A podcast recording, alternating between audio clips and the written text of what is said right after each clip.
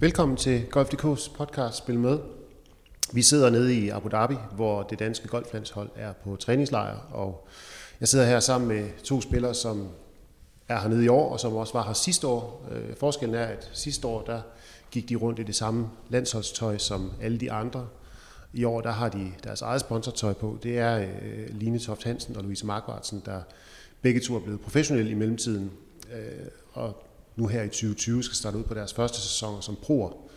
Øh, og tak fordi I vil være med, og jeg kan jo lige starte med hurtigt at spørge, øh, hvor tror I, I står om endnu et år? Hvor er I nået? Hvis vi starter med dig, Louise. Jamen om et år, der regner jeg med, at jeg har fået skaffet en masse erfaring øh, ude på turen. Um, om et år har jeg forhåbentlig også spillet Q-School over til LPGA, og har fået skaffet mig en kategori der, så jeg ligesom kan bevæge mig længere hen mod mit mål om at spille på LPGA. Så ja, det er der, jeg regner med at være. Og Line, hvor er du henne om et år? Jamen om et år, der tænker jeg også, at jeg har fået skaffet en, noget mere erfaring, end jeg har nu. Og så om et år, der er planen, at jeg stadig spiller Ladies European Tour. Du spiller Ladies European Tour i 2021 ja. også.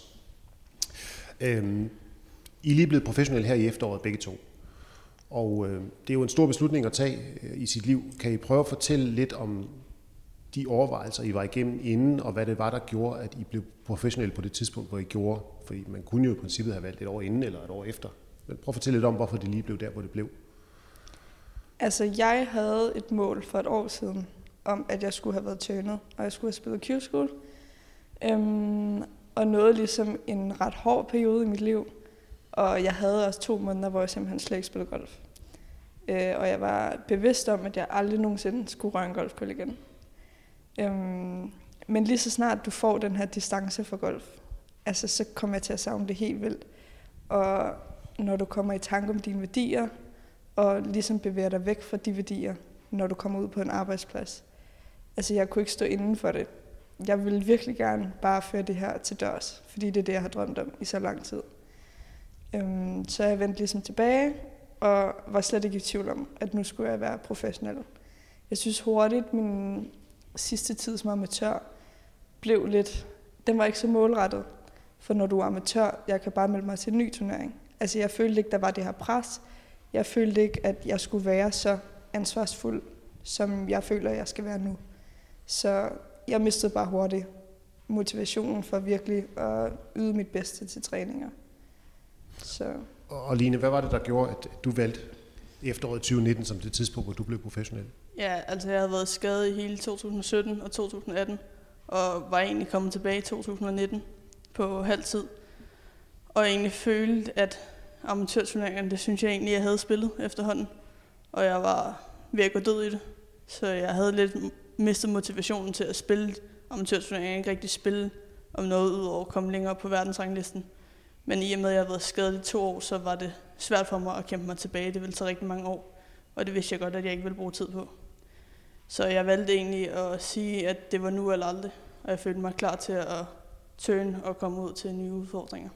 Og I begge to i starten af 20'erne, altså er det også der, hvor man når til et punkt, hvor man siger, at, at enten så skal jeg lave noget andet, have golf som hobby, eller også så skal jeg blive professionel? Mm. Altså jeg kunne se teamglasset for mig. Altså der var sandet ligesom ved at, at rende ud. Og som jeg siger, da jeg var på arbejds da jeg var på arbejdsmarkedet. så, øh, det almindelige arbejdsmarked.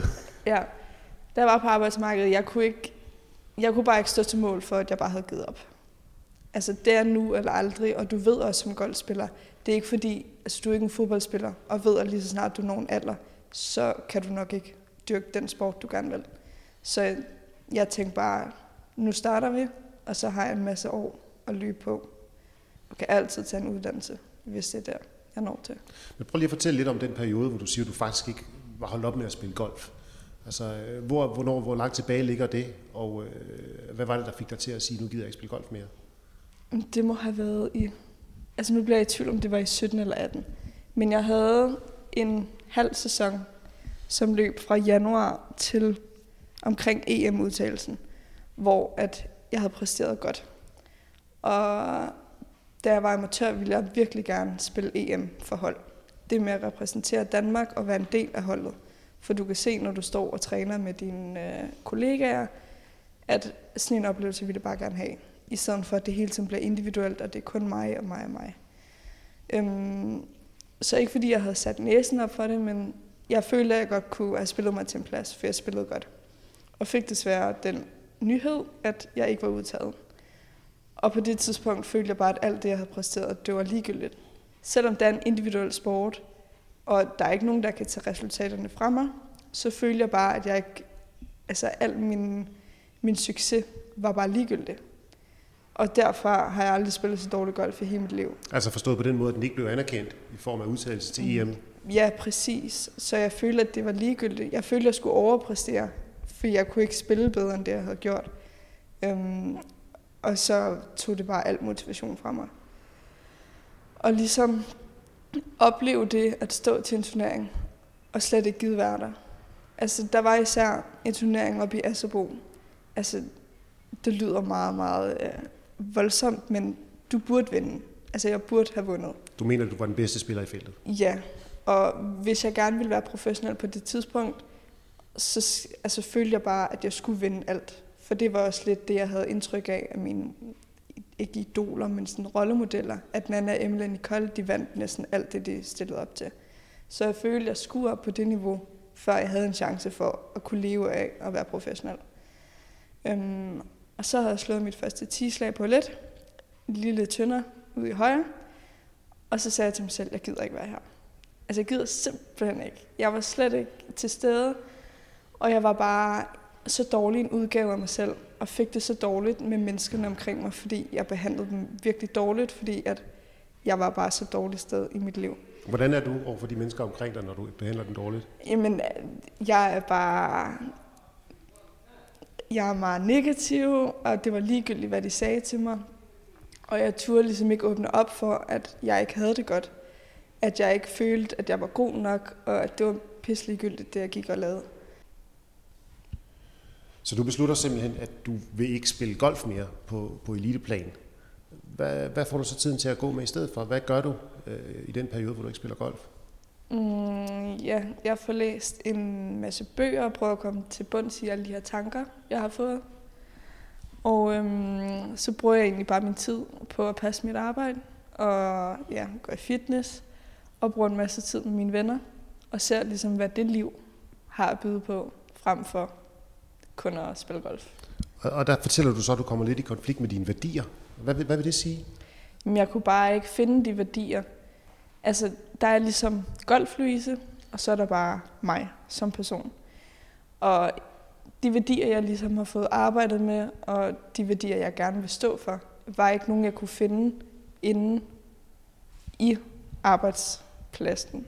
Altså, jeg kunne slet ikke være den, som jeg gerne ville være. Øhm, fordi der får du ikke succes for den, altså den atlet, jeg er. Så jeg vidste ligesom ikke rigtig, hvem jeg var. Jeg vidste ikke, hvad jeg skulle stå op, og hvad jeg ligesom skulle tænke, okay, den her dag, den bliver succesfuld på grund af det, det, det. Så det er noget at gøre med, at golf bliver en kæmpe stor del af ens identitet, når man bruger så meget tid på det og bliver så god til det. Lige præcis. Og også bare, hvad du gerne vil ja, anerkendes for. Der skal du ikke bare, om i dag har været succesfuld, fordi at øh, jeg fik gjort rent. altså, det var bare ikke det, var ikke det jeg ville.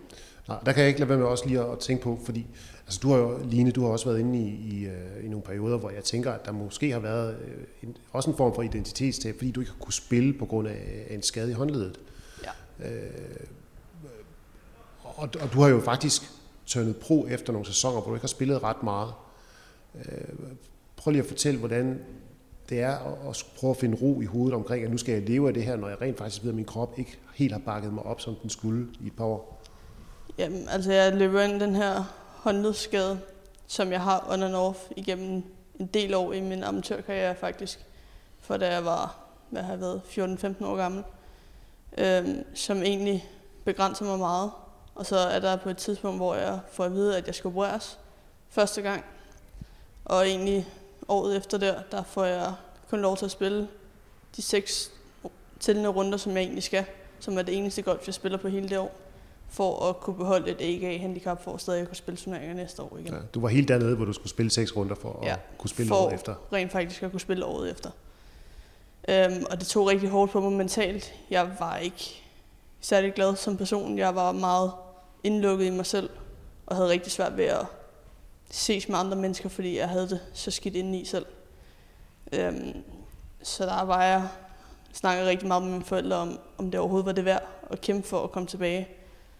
Fordi så da jeg kommer tilbage, og det den første håndledsoperation ikke rigtig har gjort noget, og jeg egentlig føler, at jeg står i samme udgangspunkt, og får at vide, at jeg skal opereres igen, der tænker jeg lidt... Hvad var det, der, der ikke fungerede ved den første operation? Jamen, de havde egentlig lavet noget, der ikke hjalp, hvis man kan sige det på den måde. Ja. De havde prøvet på noget, og de vidste godt, at hvis ikke det her det hjalp, så skulle jeg igennem noget større. Men det skulle de bruge et år på at se, om det egentlig skulle være noget andet. Så da jeg får at vide, at jeg skulle opereres igen, og det skal være noget, der er meget større og sådan noget, der var jeg lidt med mig selv, om det egentlig var det hele værd. Men jeg vidste godt, at jeg har altid drømt om at være professionel golfspiller.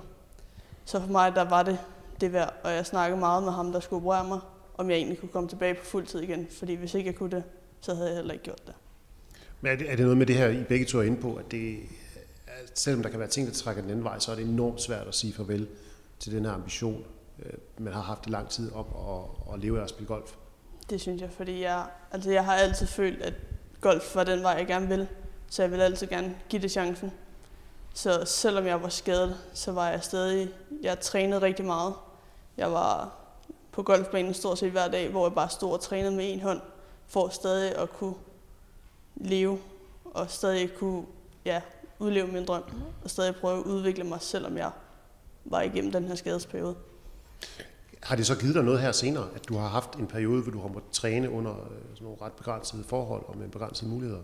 Øhm, jeg synes, det har givet mig rigtig meget. Jeg synes, jeg faktisk at den her to års periode er kommet stærkere tilbage, end hvor jeg var før, fordi jeg har kunnet arbejde mere med mig selv, end jeg gjorde inden det, hvor jeg også har kunnet arbejde mere mentalt med at finde mine værdier og finde mine styrker, hvor de egentlig ligger. Så jeg synes, det har givet mig rigtig meget at være skadet. Så på det punkt, der har det været rigtig positivt. Og vi var inde på dine værdier før, Louise, men hvad, hvad så med dine værdier, Line? Jamen egentlig, at jeg gerne vil prøve at kunne være, jeg vil gerne kunne fastholde mig de her værdier, som jeg gerne vil stå ud af til. Så for mig der betyder det rigtig meget, at jeg kan vise mig som den, jeg er, i stedet for at man bliver tilbageholdt af noget andet. Og, og så skal vi ind der, hvor I er tørnet pro, og I har spillet masser af amatørturneringer alle mulige steder i verden.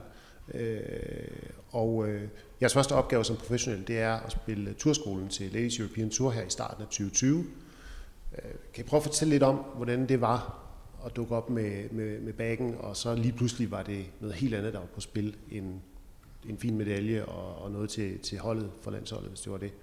Hvordan var det anderledes at spille for sin professionelle karriere? Altså nu er det jo opdelt i stages. Altså vi har first stage og final stage. For mig var first stage ikke noget, jeg tænkte vildt meget over. Ikke fordi niveauet er dårligt, men du ved godt, at det er final stage, hvor de tidligere broer kommer ind, og jeg ligesom har skippet first stage.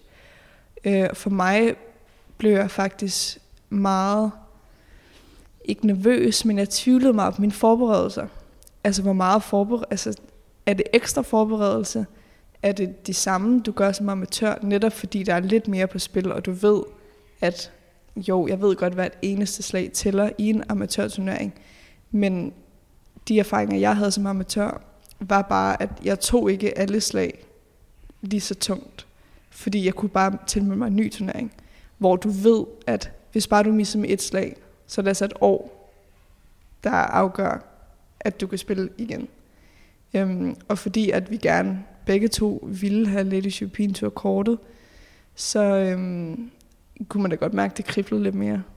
Og mit temperament var måske også lidt lidt mere... Øh, ja, jeg bliver måske lidt kort for hovedet nogle gange, fordi du bare ved, at det tæller det mere. Ja. Hvordan manifesterer det sig hos dig, Line? For jeg går ud fra, at du har haft den samme oplevelse, at, at det her, det tæller bare meget. Jamen, det gør det. Øhm, jeg havde det sådan lidt på first stage, der var mit mål egentlig bare klarkottet. Jeg havde ikke rigtig spillet så mange turneringer året for inden, så for mig der var det lidt at komme i gang med en turneringsform igen. Så jeg havde min bror på bagen den første uge, som hjalp mig ret meget. Morten, der også ja, Morten. selv har været landsholdsspiller i mange år. Ja. Øhm, der hjalp mig ret meget med at komme igennem med, når, hvad, hvad går han af tanker og sådan noget, fordi han har jo spillet hele tiden. Øhm, så for mig var det rigtig vigtigt at have ham på, på, på bagen den første uge, for også at kunne bevare roen lidt mere. Øhm, så for mig, first stage, der var det egentlig bare at klare kottet, og så egentlig kvalme mig til final stage, sådan så at jeg havde det mere at spille for, end, øh, end det galt til at starte med. Og, og I når jo begge to der, hvor I så får det, der hedder en kategori 9 til Ladies European Tour i 2020, og du ligger højere på ranglisten lige nu, lige end, end Louise gør, og I aner ikke, hvor mange turneringer I kommer ind i. Altså, øh, når I ser tilbage på den der turskole, hvor glade er I så, eller hvor tilfredse er I så med den placering, I fik? Altså, øhm, jeg havde nok taget den, inden jeg tog afsted. Du Men, havde taget den? Ja, det tror jeg. Også fordi, jeg har aldrig prøvet det før. Altså, det virkede meget øh, ikke uoverskueligt, men så skal du spille fire runder, og så skal du igennem der. Så skal du spille fire runder igen, for at kvalde til den aller sidste. Øh, fordi final stage var jo fire runder. De 60 bedste gik videre til den aller sidste, altså femte og sidste runde. Øhm, og jeg havde spillet godt. Jeg tror, jeg ligger nummer, jeg lå nummer 9 efter første runde, og så kravler jeg ligesom lidt længere ned. Men jeg var stadig inden for den gode kategori. Øh, og de to sidste runder gik så helt galt. Så jeg vil nok sige, at jeg er en lille smule skuffet. Ik- ikke skuffet, men På baggrund af den måde, det skete. Ja. Hvis du havde vidst det inden, så havde det måske været okay. Ja. Altså, jeg får stadig nogle starter på Ladies European Tour, og har spillet min første. Så jeg har jo fået noget af det, jeg gerne ville. Men man vil selvfølgelig altid gerne have mere. Og øh, nu, som jeg sagde i starten, så er vi her sammen med en masse landsholdsspillere. Og øh, en af forskellene på at være landsholdsspiller og så være sin egen lykkes med, som I er, det er jo, at de får jo arrangeret alt fra fly til hoteller, og øh, I skal selv ligesom være jeres egne chefer nu, og der er en masse praktik og økonomi, når man bliver professionel. Og, og vi kan jo lige så godt være ærlige og sige, at der er ikke så mange penge i damesiden af sporten, som der er hos herrene. Øh, hvordan, hvordan gør man, når man går ind til sin professionelle karriere i forhold til at arrangere et setup, som kan fungere for en, så man kan koncentrere sig om at spille golf? Mm, det handler vel egentlig om at have et godt team. Det er det, jeg synes, der har været... Altså, det har taget meget tid, fordi så skal du finde revisor, så skal du finde sponsorer.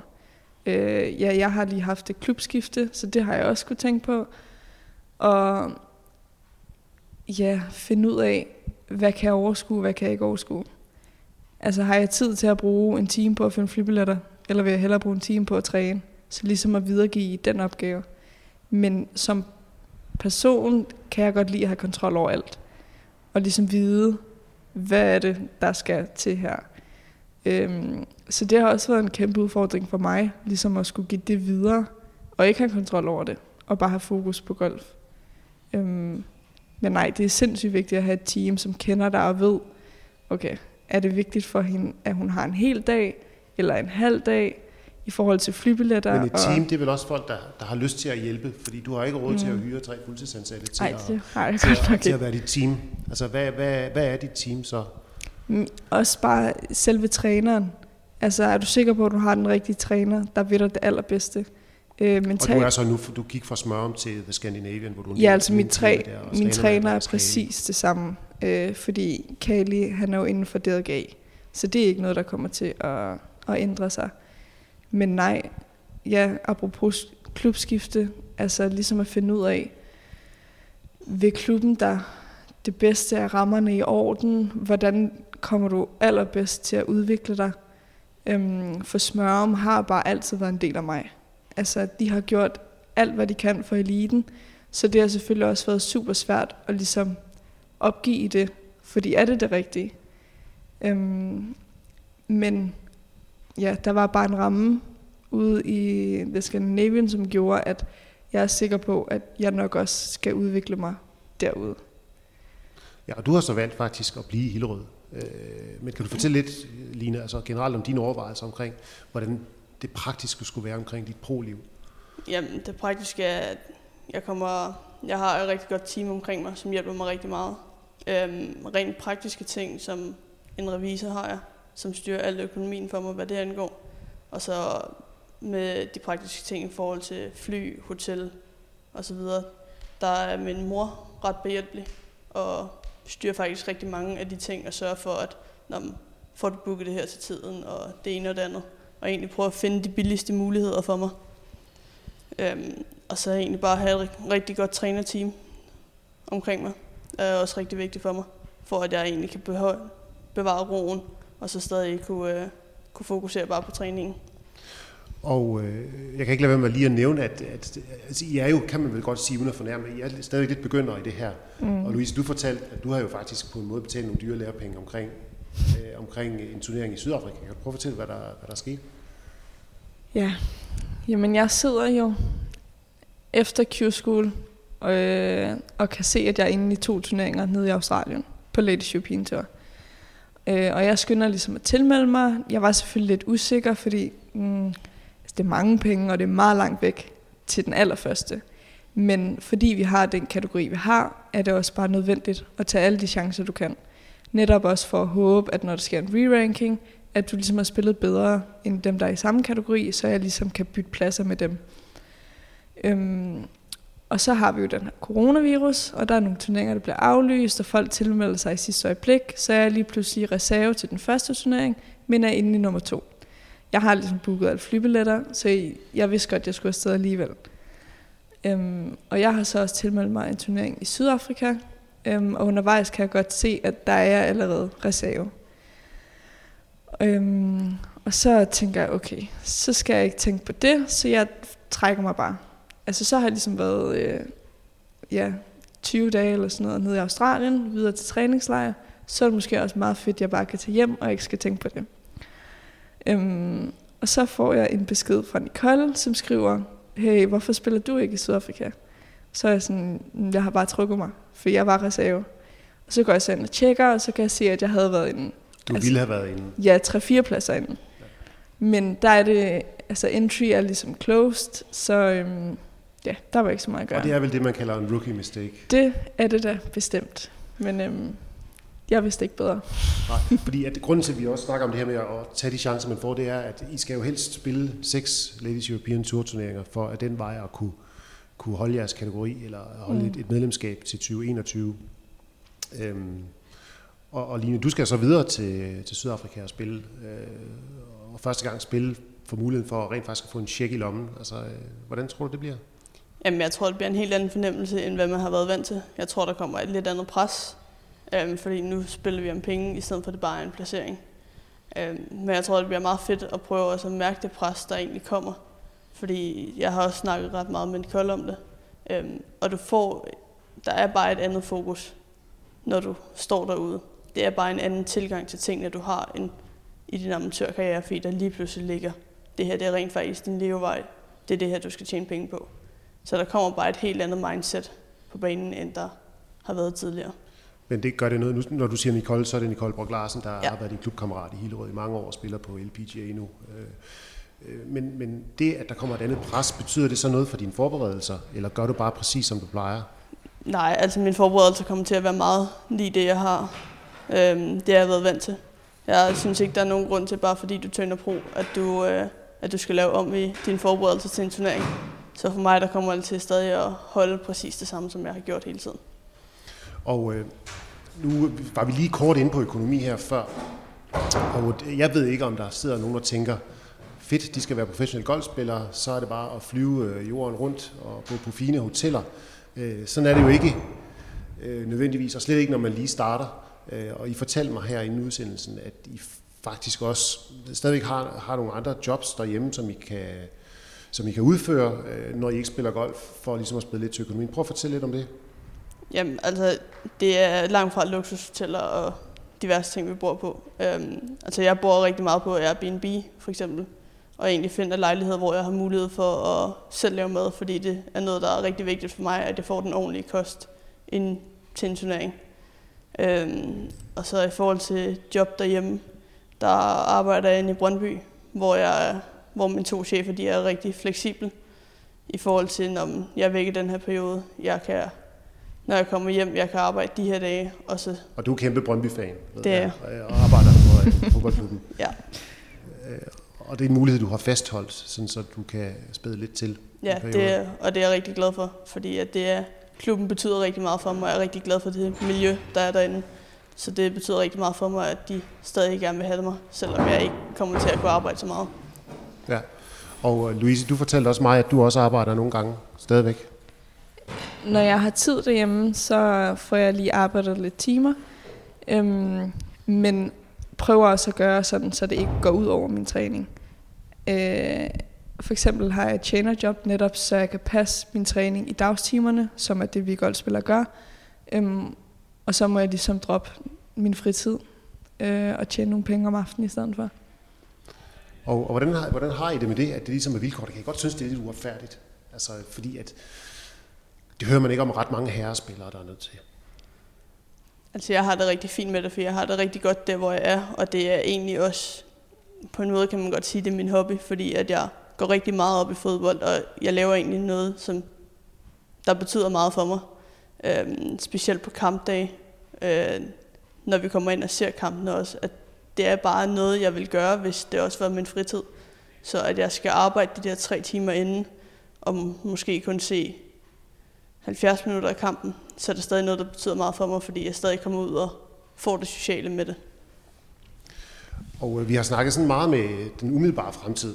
Altså øh, øh den næste turnering, I skal spille, eller den næste turnering, I måske ikke skal spille. Men øh, der er jo også noget med, med, med planlægning. Altså hvordan sammensætter I en kalender så godt, som I nu kan? med den kategori, I har til Ladies European Tour, hvor man jo tit er i venteposition og ikke ved, om man kan spille eller ej. Hvad, hvordan sætter jeg ned og kigger på kalenderen og træffer nogle beslutninger for året? Altså jeg vil sige, jeg har ikke rigtig truffet nogle beslutninger, fordi ja, jeg ved ikke, hvad for nogle Ladies European Tour jeg kan spille. Så jeg har egentlig bare plottet dem alle sammen ind, netop fordi der er nogen, hvor at hvis der ligger en Ladies European Tour, så ligger der sådan lidt access oveni. Øhm, men fordi at øh, tilmeldingsfristen er forskellig, hvis du så ikke kommer ind i Ladies European Tour, så kan du stadig nå at tilmelde dig lidt access. Så på den måde har det gjort et, et fint stykke arbejde. Øhm, så lige nu er der ikke noget, der er fast overhovedet. Nej, men der er jo det gode ved det, at der faktisk er en del lidt access-turneringer i år. Der er 13 i alt, som, som I kan spille, mm. øh, uanset hvad, øh, hvis I ikke kan komme ind i Ladies European Tour. Øh, men har I, har I nogen tjusning, eller kan I tjusle lidt frem til, hvor mange LIT-turneringer I tror, I får? Altså, hvad er jeres bedste bud? Altså, jeg ved ikke helt, hvor mange jeg får, men jeg har tænkt mig at tilmelde mig så mange som overhovedet muligt. Og så tilmelder jeg mig samtidig lidt access-turneringer, der ligger oven i den. Og så tilmeldingen til Ladies European Tour, den slutter to dage før til lidt access, så hvis vi er inde i European Tour turneringen, så kan man altid melde fra til den anden. Så for mit vedkommende, der tilmelder jeg mig bare alt, hvad jeg kan af Ladies European Tour turneringer. Og så altid melde fra til Let Access, hvis jeg kommer ind. Og øh, nu nævner jeg det igen, vi er på træningslejr med landsholdet, og der har I jo sådan lidt en speciel rolle, fordi I både kan fungere lidt som nogle mentorer for øh, de yngre landsholdsspillere, der er jo helt ned til 14-15 år, nogle af dem, og samtidig så er øh, Emily Pedersen og Nana Kost Madsen og, og Nicole er her, øh, som I vil også kan trække lidt på. Altså, øh, hvad, hvad bruger I de tre rutinerede proer til? Jamen, altså jeg rejste ned den 24. februar sammen med Nicole, hvor vi havde en uges træning sammen alene, inden alle de andre kom for landsholdet. Hvor 24. Vi, februar, i dag er den 6. marts, ja. så det er jo et stykke tid, ja. Så vi havde, øh, hvad den uge angik, der fik jeg rigtig god sparring med hende, fordi vi bare var på tomandshånd. Så vi havde rigtig meget sparring med hinanden om, om, hvordan vil du gøre det her, og hvordan vil du gøre det her. Hun hjalp mig rigtig meget, fordi jeg har haft problemer med noget chipning og noget pitch. Så hun hjalp mig rigtig meget med, når man prøver lige at gøre det her. Og så egentlig for at se, om det hjælper, fordi hun har haft de samme problemer, som jeg går og døjer med. Det havde hun også for nogle år siden. Så det kan både være noget teknisk, øh, men, men kan det også være noget, noget mentalt, eller noget, noget praktisk omkring, hvordan det, hvis, hvordan det er at være professionel? Altså nu har jeg jo lige været i Australien, øh, ned til de to Lady European Tour, hvor Emily også var dernede. Øh, og jeg fik også taget fat i hende. Øh, også bare under Q-school tog jeg fat i hende og var sådan, prøv at høre, jeg har fire dage inden first stage, og du ved, at hvis du går hele vejen, så er det ni turneringsrunder. Plus, du skal også lige forberede dig. Øh, og der blev jeg sindssygt i tvivl om, er det vigtigt for mig at spille, lad os sige, to, der var to baner, vi skulle spille. Øh, er det vigtigt at spille to fulde øh, runder på den, fordi så har du ligesom brugt fire dage på at spille 18 huller hver dag, plus fire turneringsrunder. Så havde du måske en pro du skulle spille, hvis du sluttede i top 20. Så havde du en dag til at hvile dig, og så havde du måske fem turneringsrunder igen. Ligesom for at høre, øh, ja, bare prioriteringerne. Også fordi de har erfaring. Altså de kunne ligesom sige, prøv at så bliver du sat med træt til final stage. Øhm, og nede i Australien var det rigtig meget logistik. Altså de var sådan, prøv at høre, øhm, der er også det, der hedder housing family, så får du lige sparet nogle penge. Øh, ja, du kan måske møde en masse nye mennesker. Øhm, så på den måde var det super, altså ja, det gavnede mig bare rigtig meget, ligesom at kunne trække på deres erfaringer. Øhm, ikke fordi jeg brugte det så meget teknisk eller noget som helst. Så jo, det er sådan, jeg har brugt dem indtil videre. Og øh, nu startede vi med at snakke lidt om, hvor I ser jer selv om et år. Øh, hvis nu vi skal prøve her til sidst lige at kigge en lille smule længere frem, altså hvad, øh, hvad drømmer I om som professionelle? Hvor langt drømmer I om at nå? Eller er der et helt specifikt mål, som I tænker, det står simpelthen øverst på min liste over, over drømme? Altså, jeg vil rigtig gerne repræsentere den, altså det kvindelige i golfen. Altså ligesom at vise, at os kvinder kan også have super meget succes. Nu har du været lidt inde på, at præmiepengene og sådan noget er ikke helt det samme, men derfor er der stadig altså det samme, ja, altså at kunne præstere det, det samme. For eksempel har vi Karoline Wozniacki, altså hende synes jeg er, har gjort et fantastisk stykke arbejde på kvindesiden i forhold til ja, ligesom at være atlet. Øhm, så det at være en af de allerbedste. Så for dig betyder det kønsmæssigt rent faktisk noget, at du er bevidst om, at du er en kvindelig idrætsudøver, og ikke bare en idrætsudøver? Ja, ja. det gør det. Ja. Øh, dine drømme, Line? Ja, min drøm det er, at jeg rigtig gerne vil overspille på LPGA, og egentlig måle mig med de bedste i verden. Øhm, så jeg egentlig kunne spille derovre, og så stadig mænge mig i top 10, og så eventuelt vinde en major på et tidspunkt om nogle år. Altså at være den allerførste, der vinder en major. Det synes jeg kunne være noget af det fedeste. Være den første dansker, der kunne vinde en major? Ja. Det øh, tror jeg, vi er mange, der synes, og så tror jeg, vi passende kan lukke vores podcast med, med den drøm, og I skal have tusind tak, fordi I vil være med, og I har lyttet til Golf.dk's podcast Spil Med. Tak for den her gang. thank you